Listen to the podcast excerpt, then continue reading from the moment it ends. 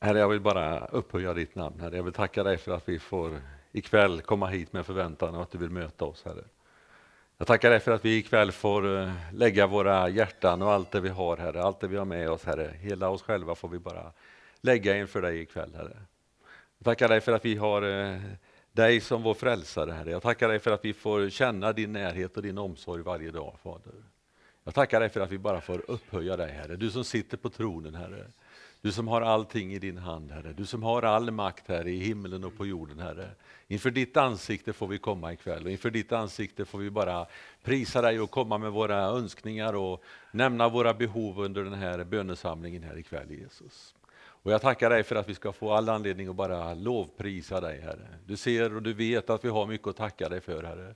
Jag ber Herre att du ska påminna oss lite grann om det ikväll, Herre, så vi kan höja vår lovsång till dig, Herre, ikväll. Från djupet av våra hjärtan, Herre, och med, med ärliga och med ett, ett hjärta som är inställt, Herre, på att få vidröra av dig ikväll, Jesus.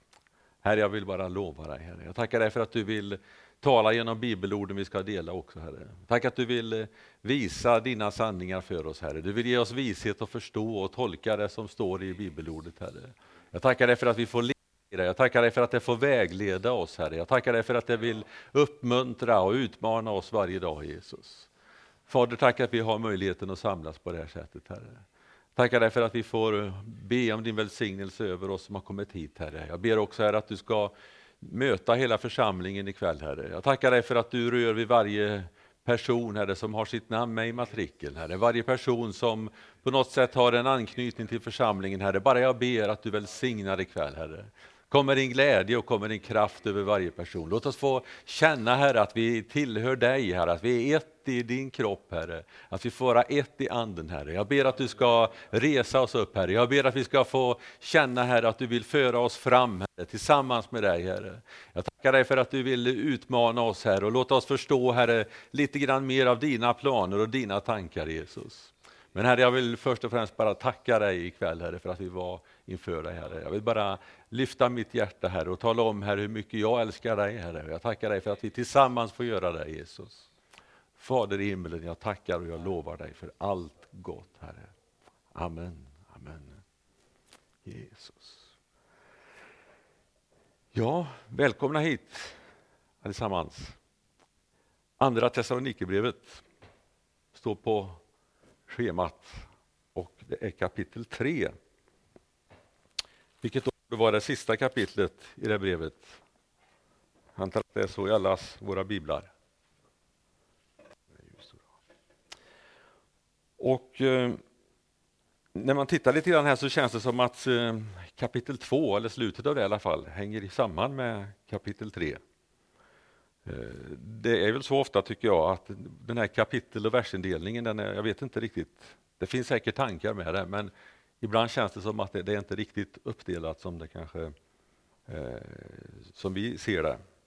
Och från början är det väl inte skrivet på det viset, utan då är det mer sammanhängande. Sen har vi delat upp det efterhand på olika sätt. Och det är klart, beroende på hur man har tänkt och sett och förstått det då, så kanske man gör vissa uppdelningar eller indelningar. Och Det är väl det som är ibland eh, faran också då, när vi gör vissa tolkningar från bara enstaka versar eller ett par till stycken, om man inte tittar liksom i hela sammanhanget. Att man kan lätt få kanske olika uppfattningar om saker och ting. Men jag tänker att från egentligen den trettonde versen i kapitel 2 fram till den femte versen i kapitel 3 känns som att det hänger tillsammans i någon form av bön och tacksägelse. Tittar man här i, i kapitel 2 då, så vers, vers 13, men börjar det med där. Det är precis som att först är det någonting som står här, står, handlar det mycket om laglöshetens människa. Men sen kommer det något nytt här om hopp och trofasthet i Gud och allt detta. Och Tittar man då i vers 15 till exempel så finns det lite grann här att vi ska stå fasta och hålla oss till undervisning, står det där. Samma sen i kapitel 3 och vers 4 kommer det tillbaka lite grann. Gör det som vi föreskriver er, står det där. På något sätt känns det som att vers 1 till 12 då i kapitel 2, det är en, ett passage, eller ett stycke liksom om laglöshetens människa. Sen kommer det då en, någon form av bönepassage så att säga, och lite uppmuntran. och sen ifrån vers 6 till 15 egentligen då i kapitel 3. Där är det en annan, ett, en annan, eh, så att säga, ett annat stycke. Och den här bönen då, det är tacksägelse. Man börjar lite grann i kapitel 2, vers 13, 13-14. Tacksägelse. Och så kommer det lite förmaning uppmuntran, vers 15. Och så kommer det en bönepassage där egentligen i vers 16-17. Och sen så kommer det en, eh, vad ska jag säga, kapitel 3 börjar ju egentligen där med en bön om förbön så att säga från Paulus sida. Men syftet med, med breven, eller ja, breven är ju både första och andra, det är ju i alla fall att skapa någon form av en grund och skapa en stabil församling utifrån det som verkar ha slagit ner här, lite, skapat lite förvirring och lite säga, eh, misstolkningar av vad Paulus har sagt egentligen.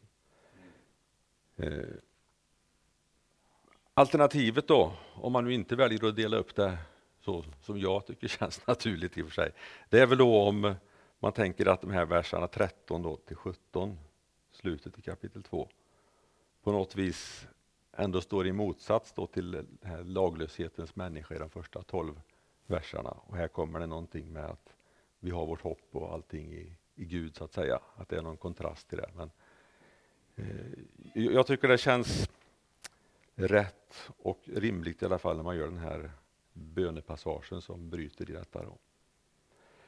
Men vi kan väl läsa kapitel 3 och så mm, tar vi och går igenom den lite från vers till vers. Där, så att säga. För övrigt bröder, be för oss. Be att Herrens ord ska spridas snabbt och bli ärat liksom hos er och att vi blir räddade från fientliga och onda människor. Alla har ju inte tron. Men Herren är trofast. Han ska styrka er och skydda er från den onde. I Herren har vi förtroende för er, att ni gör och kommer att göra det vi föreskriver er. Må Herren leda era hjärtan in i Guds kärlek och Kristi uthållighet. Bröder, vi uppmanar er i vår Herre Jesu Kristi namn att hålla er borta från varje broder som lever oansvarigt och inte följer den undervisning som de fått av oss. Ni vet själva hur man bör följa vårt exempel. Vi levde inte oansvarigt hos er, vi åt inte gratis av någons bröd. Nej, vi arbetade med möda och slit natt och dag för att inte ligga någon av er till last. Inte så att vi inte hade rätt till lön, men vi ville ge er ett exempel att följa. När vi var hos er gav vi er denna föreskrift. Den som inte vill arbeta ska inte heller äta. Men vi hör att vissa bland er lever oansvarigt. De arbetar inte utan gör allt möjligt annat. Sådana befaller och förmanar vi i Herren Jesu Kristi Kristus att arbeta i lugn och ro och äta sitt eget bröd. Och ni bröder, tröttna inte på att göra det som är gott. Om någon inte rättar sig efter det vi säger i detta brev, ge noga akt på honom och umgås inte med honom så att han får skämmas. Men betrakta honom inte som en fiende utan tillrättavisa honom som en broder. Må han som är fridens Herre alltid och på alla sätt ge er sin frid. Herren vare med er alla. Här skriver jag, Paulus, min hälsning med egen hand. Detta är ett kännetecken i alla mina brev, så skriver jag. Vår Herre Jesu Kristi nåd vare med er alla. Det var kapitel 3. Inte så långt, men det finns en del i alla fall att hämta i det. Och som sagt han börjar ju här med eh, att be och förbön egentligen. Han har ju bett för egentligen, då, eller i föregående kapitel, lite grann för församlingen i Thessalonike här. Och här kommer han tillbaka och säger be för oss. Och det är ju egentligen två bönämnen han lägger fram. För det första så ber han då om att ordet, evangeliet, ska spridas och få framgång. Att det ska gå snabbt till och med, ber han om här. Och för det andra, i vers 2, så ber han ju egentligen för de som då förkunnar och sprider ordet, att de ska få bli räddade, står det, från fientliga onda människor. Och egentligen kan man ju tycka att det är konstigt om man tänker att en vanlig människa, så att säga, eller man, någon som gör något gott, brukar ju aldrig mötas av motstånd, utan det brukar ju uppskattas och tycka det är bra när man gör någonting gott. Men när man kommer med det bästa av allt, med det glada budskapet och evangeliet om frälsning och glädje och allt det, då blir man motarbetade. Och jag vet inte, men det, det, känns som att det är ju ett bevis och tydligt på att det är en andlig kamp. Det finns någonting djupare och någonting mer bakom just det här. När du kommer och bara gör gott så att säga. Inte att förringa, men just när du har med evangeliet då, då möter du motstånd på ett annat sätt. Och det är väl det vi märker, i, inte minst i, i samhället idag också, att man får göra mycket gott, men nämner du Jesus eller talet om korset eller kristendom eller någonting, då, då är det liksom motstånd och kalla handen på många håll. Så att det, det är likadant idag kan man känna. Men vad kan man se då? Jo, i vers 2, han, Paulus han ber ju inte om att människorna ska försvinna på något sätt. Känner jag här. Det står att vi blir räddade från fientliga onda människor. Han ber om beskydd egentligen, styrka och, och kunna stå ut i detta.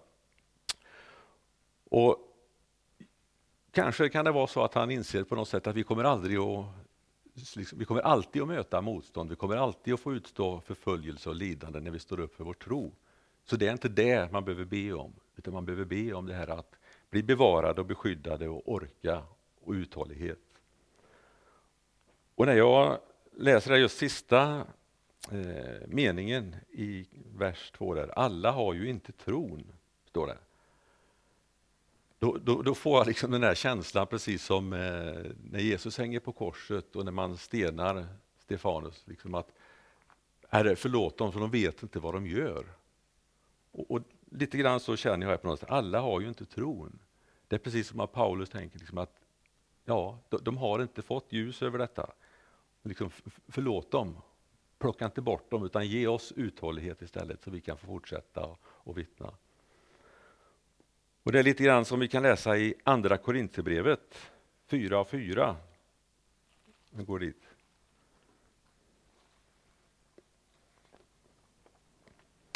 Lite grann det kan jag känna när man läser det här. Den här världens Gud har förblindat de otroendes sinnen så att de inte ser ljuset som strålar från evangeliet om Kristi härlighet, han som är Guds avbild. Alltså det är inte människorna i sig som är problemet. Det är inte de Paulus ber försvinna. För det är den onde, de är förblindade, det är djävulen som vilseleder människorna. Och därför menar han, alla har ju inte tron. Så på något sätt är det liksom i alla fall, han vill inte vända oss emot dem, eller på så vis egentligen, utan det handlar om en förtröstan. Och det ser vi, går vidare i vers 3. Herren är trofast och han ska styrka er och skydda er från den onde. Vi kallar det in i Guds gemenskap och han skyddar oss och han strider för oss. Och det gäller ju oss alla, att vi kan få ta del av det. Och striden är inte våran i första hand, utan det är Guds strid, att han strider för oss. Eh, även om det är motgång då, så kan man, som det står i, om vi backar här egentligen till eh, kapitel 2, Andra Thessalonikerbrevet 2 och 8, så vet vi vem som kommer att segra. Och det står det här. Sedan ska den laglöse träda fram, han som Herren Jesus ska döda med sin muns ande och förgöra med glansen vid sin ankomst. Alltså en dag kommer Jesus ändå att vinna en seger över allt det onda som vi möter. Och I Romarbrevet 8 vers 18. Så finns det också ett, ett ord, eller en mening egentligen av lite uppmuntran. 8 och 18. Något som vi får försöka leva i varje dag. Jag menar att den här tidens lidanden inte kan jämföras med den härlighet som ska uppenbaras och bli vår. Alltså det lidande och det vi möter är ändå en kort tid jämfört med evigheten och den härlighet som vi har och väntar på oss. Men Herren är trofast, står det. Det är honom vi ska lita till. Vi vet att människor där kan, de kan svika. Det är inte det vi kan liksom bygga vår förtröstan och vårt hopp på. Och det ser man väl inte minst eh, idag med mycket handlar om falska nyheter och ryktespridning och allt möjligt. Det finns en väldigt falskhet och väldigt mycket som snurrar i, egentligen både i, i, i media och bland människor som vi möter. Och frågan är hur, man behöver vara källkritisk, tycker jag, att det, det är det man behöver vara när man, liksom, det man tar till sig och lyssnar till. Vad är det egentligen jag hör? Stämmer detta? Är det någonting? Och det är ju egentligen det som har drabbat församlingen här i Thessaloniki också, med, med falskhet och ryktesspridning egentligen. Och tittar vi i vers 2, kapitel 2 här igen, så står det Låt er inte skrämmas av någon ande eller något ord eller brev som påstås komma från oss och som säger att Herrens dag är här. Även då var det falska rykten och det var ju liksom upprinnelsen egentligen till brevskrivandet här, att man hade drabbats av detta. Och Det behöver vi vara aktsamma över även idag. Läsa Bibeln och be och umgås med Herren och få vishet över saker.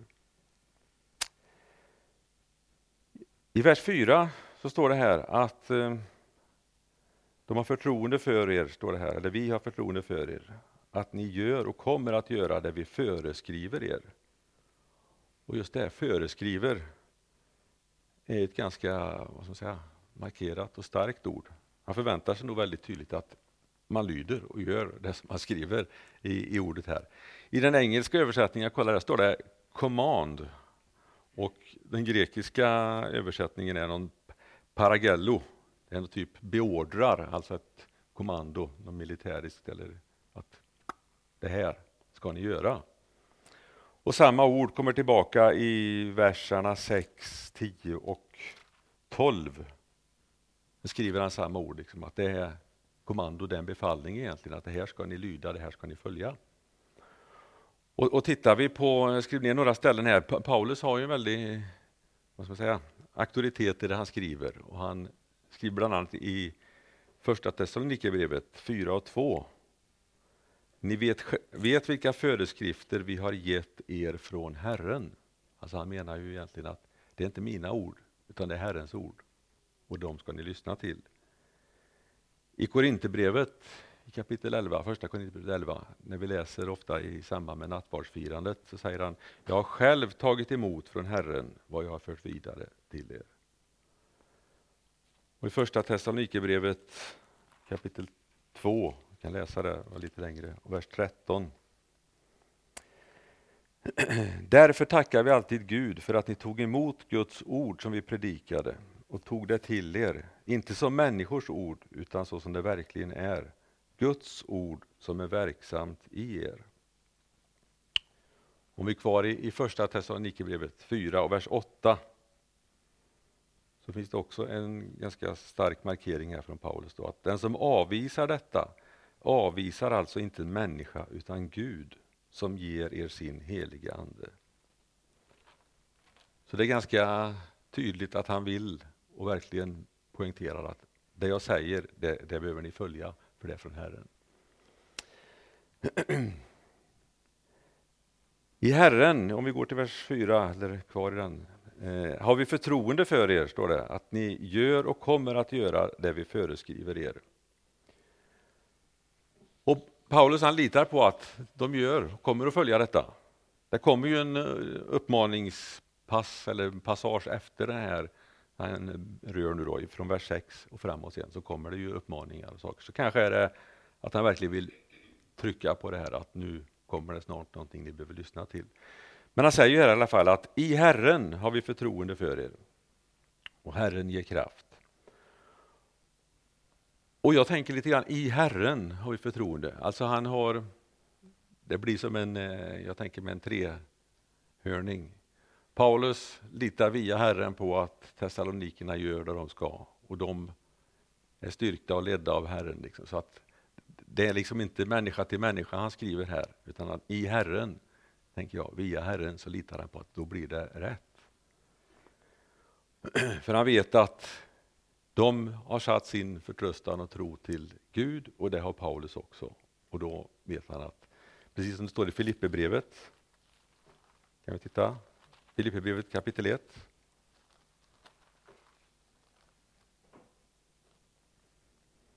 Och vers 6. Och jag är övertygad om att han som har börjat ett gott verk i er också ska fullborda det till Kristi Jesu dag.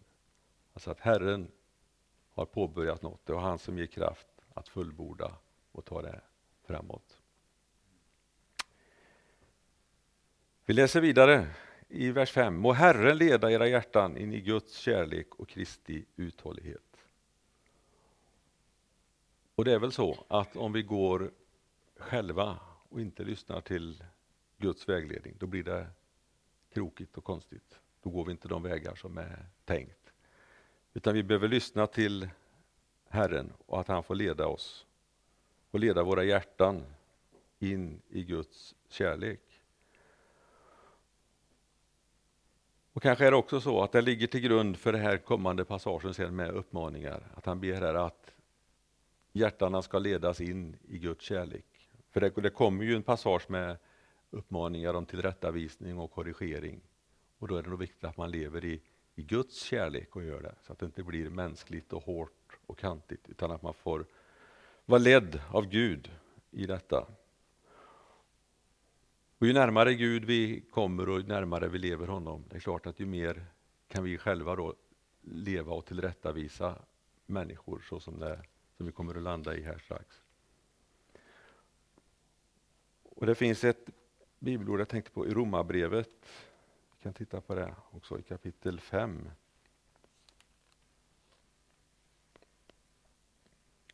Romarbrevet 5 och verserna 5 till 8 kan vi läsa. Och hoppet sviker oss inte, för Guds kärlek är utgjuten i våra hjärtan genom den helige Ande som han har gett oss. För när tiden var inne, medan vi ännu var maktlösa, då dog Kristus i de ogudaktiga ställe. Och knappast vill någon dö ens för en rättfärdig. Jo, kanske vågar någon dö för den som är god. Men Gud bevisar sin kärlek till oss genom att Kristus dog för oss medan vi ännu var syndare. Hoppet sviker inte. Guds kärlek är utgjuten i våra hjärtan och det är det vi ska närma oss hela tiden här, genom den helige Ande. Och den har vi fått också, fått den helige Ande som gåva. Och Guds kärlek, den ser vi här i sista eh, meningen också, att han visar sin kärlek till oss genom att Kristus dog för oss medan vi ännu var syndare. Och Det leder väl också till den här uthålligheten som står här i, i vers 5, då, om vi går tillbaka till Thessalonikerbrevet. Kristi uthållighet. Paulus har i alla fall uttryckt att han har förtroende för dem genom att, att Herren leder. Och så bör vi också ha förtroende för varandra i församlingen idag. Att Herren är med, han leder och talar till oss på olika sätt och tillsammans så får vi en, en helhet och får vara med och tjäna varandra. Sen kommer den här passagen nu med lite uppmaningar och eh, förhållningssätt till människor som på något vis lever i de här oansvariga, som det står. Han börjar med bröder. Och det är samma bröder, eller brödraskap som har stått i, i första Thessalonikerbrevet här, vi var inne på tidigare.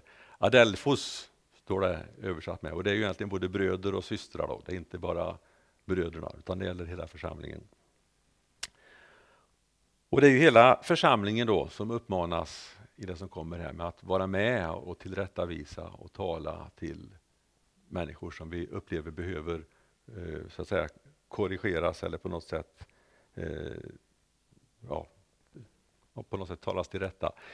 Men det, det viktigaste i församlingen är att vi ska ju hjälpas åt på alla sätt och vis. Det handlar inte bara om att korrigera, även om det är ett sånt passage här, utan vi ska bära varandras bördor, står det. Vi ska uppmuntra varandra på alla sätt och vis och dela detta.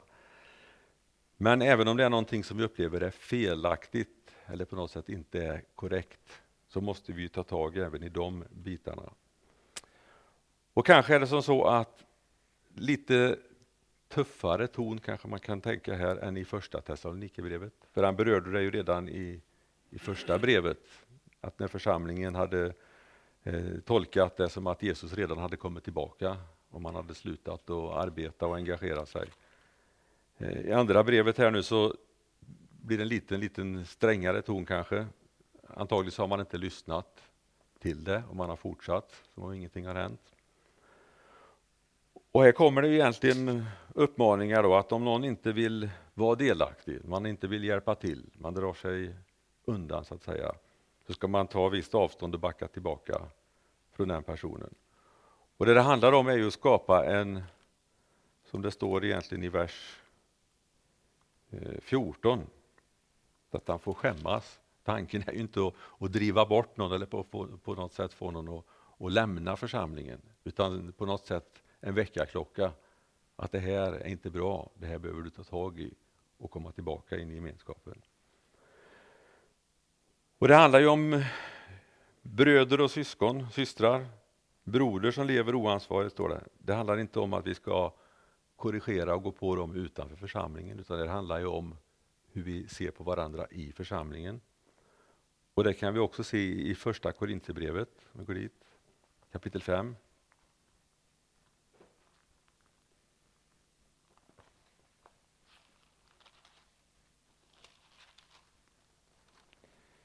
Och vers 12-13. Då står det ju så här. Är det min sak att döma de utomstående är det inte de som är innanför som ni ska döma. De utomstående ska Gud döma, står det. Så det det handlar om är ju oss själva i församlingen, att vi ska ge akt på varandra och ha i kärlek, omsorg och korrigera. Och det står ju här, i, om vi tittar i första Thessalonikerbrevet kapitel 4. Och har det som lite grund här, 11 och 12. Sätt en ära i att leva lugnt och sköta ert och arbeta med era händer så som vi befallt er, så att ni väcker respekt hos de utomstående och inte behöver sakna något. Alltså det handlar om att arbeta, sköta sig och väcka respekt hos de utomstående. Och Det finns ju andra passager just som handlar om att tillrättavisa och korrigera varandra också. Eh, vi kan titta i Matteus evangeliet till exempel, kapitel 18.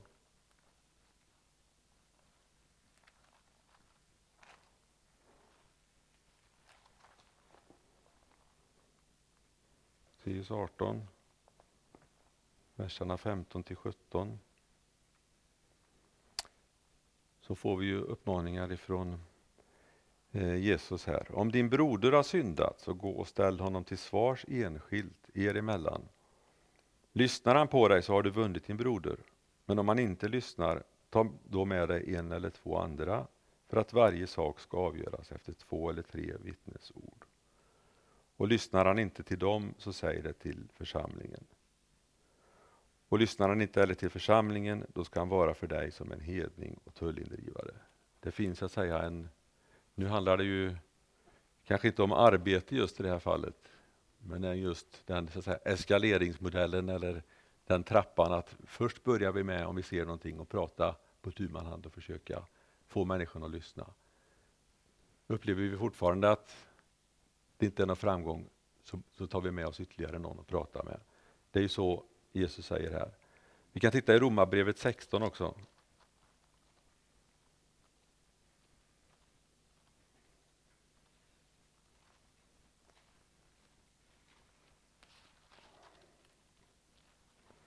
Romarbrevet 16 och vers 17.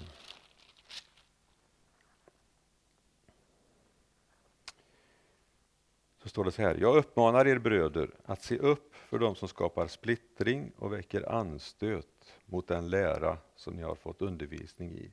Håll er borta från dem. Står det här, 17 versen. Och vi vet i första Korinthierbrevet kapitel 5 så står det om surdeg också, att när det kommer in någonting som är osunt eller börjar få fäste i församlingen så kan det gå snabbt och att det sprider sig. Så det handlar om det jag tolkar här i Thessalonikerbrevet att de behöver ta tag i saker och ting och göra någonting åt det och inte bara liksom låta det snurra på. Det är det som är andemeningen här. I vers 7 så står det här att vi, ni vet själva hur man bör följa vårt exempel. Och här blir det väl lite grann tal till oss var och en, någon form av mentorskap. Och hur lever jag och vad, vad skapar det för efterföljelse hos de som är med i församlingen? Så att säga. Vi har alla ett ansvar för hur lever jag mitt liv? Hur kan människor se på mig? Att jag följer ordet och lever på det sättet. Och Det handlar ju inte om här att vi ska följa, eller som han uppmanar församlingen till, att bara följa honom rent mekaniskt eller liksom till det yttre. Utan det är viktigt att vårt hjärta är med i den här efterföljelsen. Att det är det vi vill av hela hjärtat och längtar efter. Att det inte bara blir yttre former. Då blir det ju som en skrällande eller ljudande symbol så att säga, när inte hjärtat är med. För det måste på något sätt, där måste det ta tag i oss och börja så att säga. Vi kan gå vidare lite grann i åtta. Det står här om att eh, arbeta. Eh, och det berörde vi när vi läste i första Thessalonikerbrevet lite grann att Paulus var van vid att både arbeta med händerna och utföra ett vanligt jobb så att säga och jobba med att sprida evangeliet. Han var inte den som ville på något sätt leva på de andra eller på något sätt och drog sig undan utan han jobbade hårt både med kroppen för, för sitt uppehälle så att säga och för att jobba med evangeliet.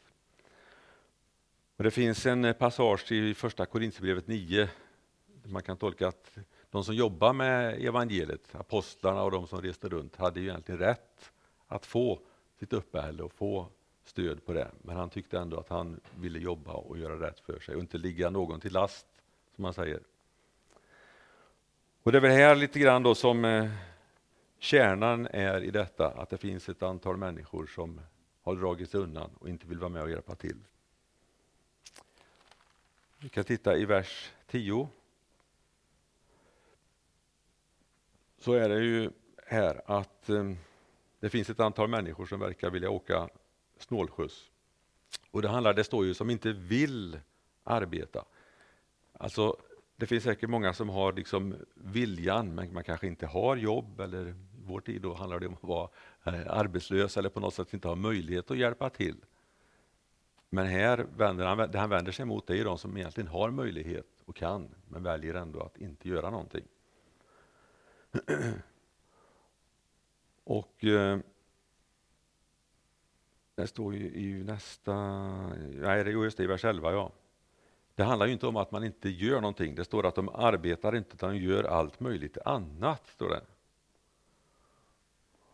Och Frågan är ju vad det andra var, om det är på något sätt att gå runt och skapa oro och sprida olika falska rykten i församlingen. här då, att ja, Jesus han har redan kommit, eller han kommer, som är huvudkärnan här.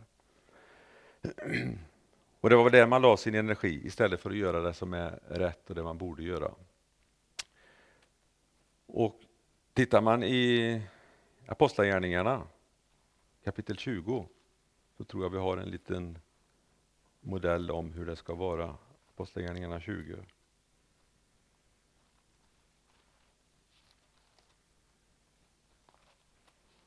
Vers 33.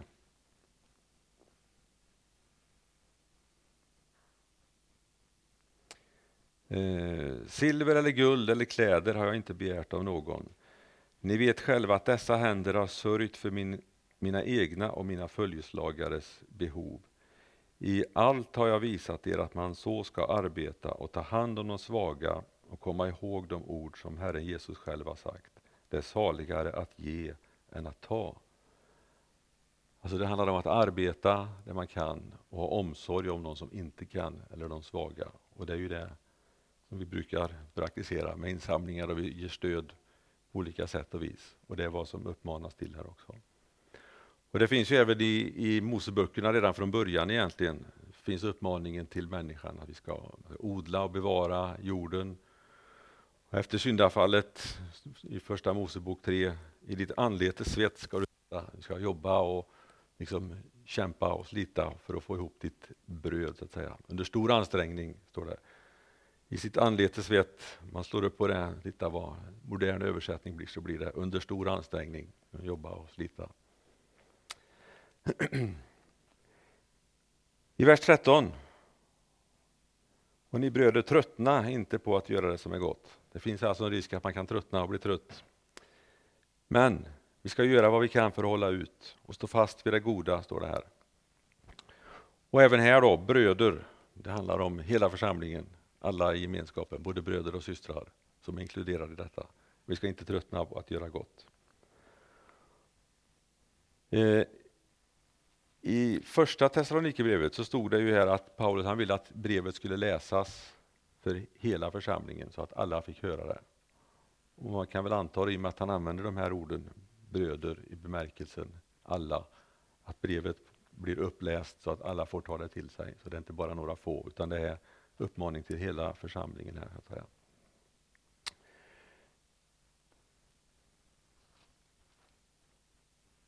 Om man tittar i slutet här då, eller verserna 14-15 så finns ju, kommer det tillbaka här som vi sa tidigare att anledningen till att ta avstånd ifrån personer eller på något sätt markera ändå att det du gör nu det är inte rätt, det är fel. Det är ju för att få honom eller henne att ändra inställning och, få, och skämmas som det står här och komma till någon insikt om att det här är inte rätt, jag behöver förändra någonting och komma tillbaka.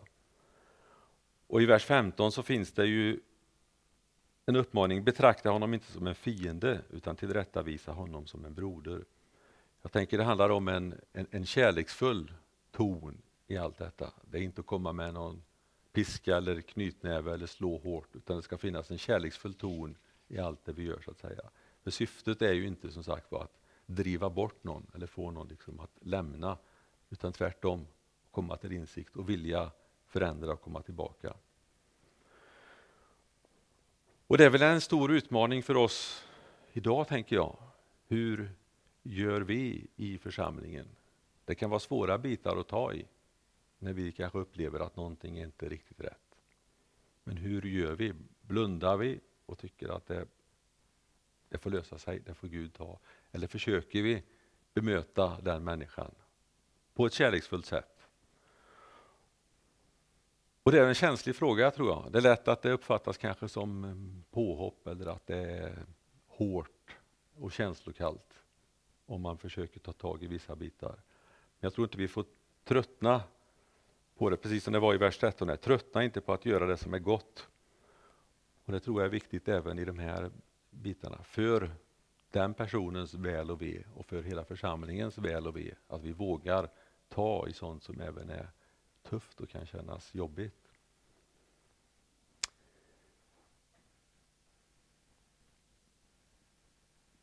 Matteus 18, ja, där nämnde vi vad Jesus säger här lite grann.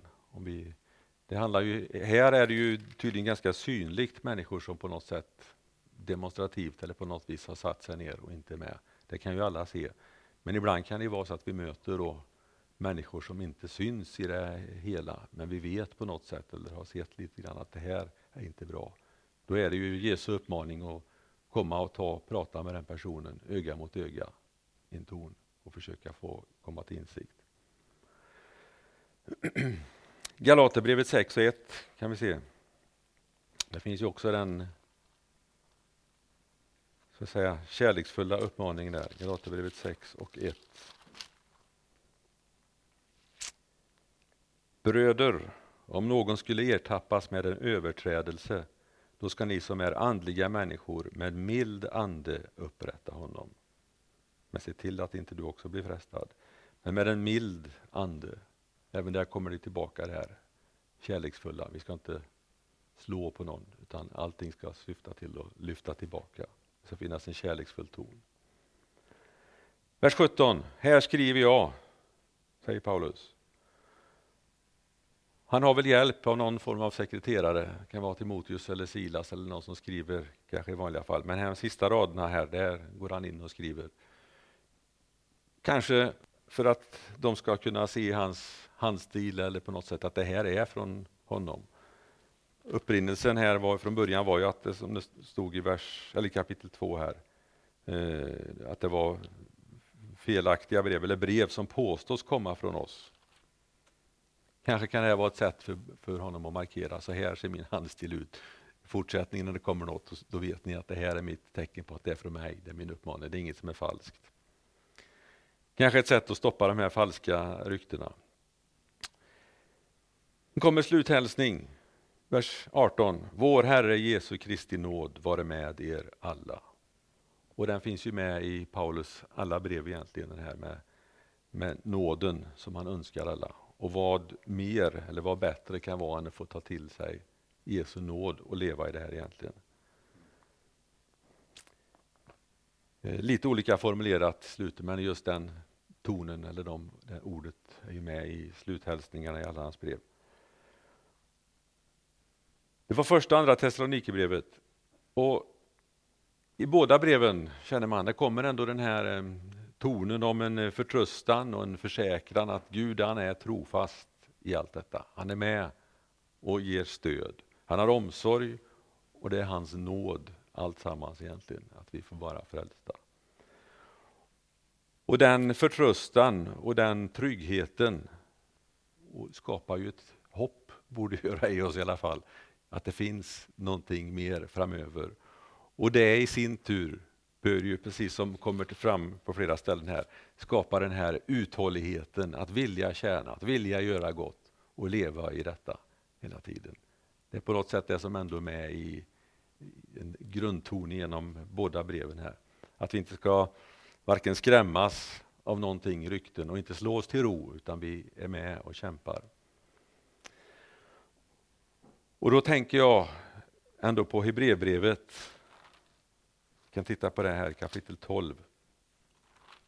Känner det finns samma ton som kommer tillbaka där egentligen. Där det står att vi ska låta oss ha blicken fäst på Jesus, står det, trons upphovsman och fullkomnare. Och det står att vi ska löpa uthålligt i det lopp vi har framför oss. Och jag tänker det, det blir på något sätt ändå ett, ett budskap eller en hälsning till oss i detta. Att det måste vara en uthållighet att vi inte ger upp utan att vi jobbar på det hela tiden. Matteus 10.22 står det, ni kommer att bli hatade av alla för ni, mitt namns skull, men den som håller ut till slutet ska bli frälst. Och Hebreerbrevet 3 här och 14, vi är Kristi vänner om vi stadigt håller fast vid vår första tillförsikt ända till slutet. Alltså att vi behöver hålla fast vid detta och inte på något sätt dras iväg eller luras bort. Då kommer vi att bli frälsta och få möta Jesus en dag. Att vi är rädda om frälsningen. Och just det här med ryktesspridning, i Andra Timoteusbrevet 4. Det ska komma en tid då människor inte längre står ut med den sunda läran utan samlar åt sig mängder av lärare efter sina egna begär, så som det kliar i deras öron att få höra. De vägrar att lyssna till sanningen och vänder sig till myter. Men var du sund och förnuftig på alla sätt, bär ditt lidande, utför en evangelists gärning och fullgör din tjänst. Det är någonting vi kan ta till oss. Att inte vända kappan efter vinden, utan att vi är förankrade i bibelordet. Det var Andra Thessalonikerbrevet 3 och därmed så var det den boken.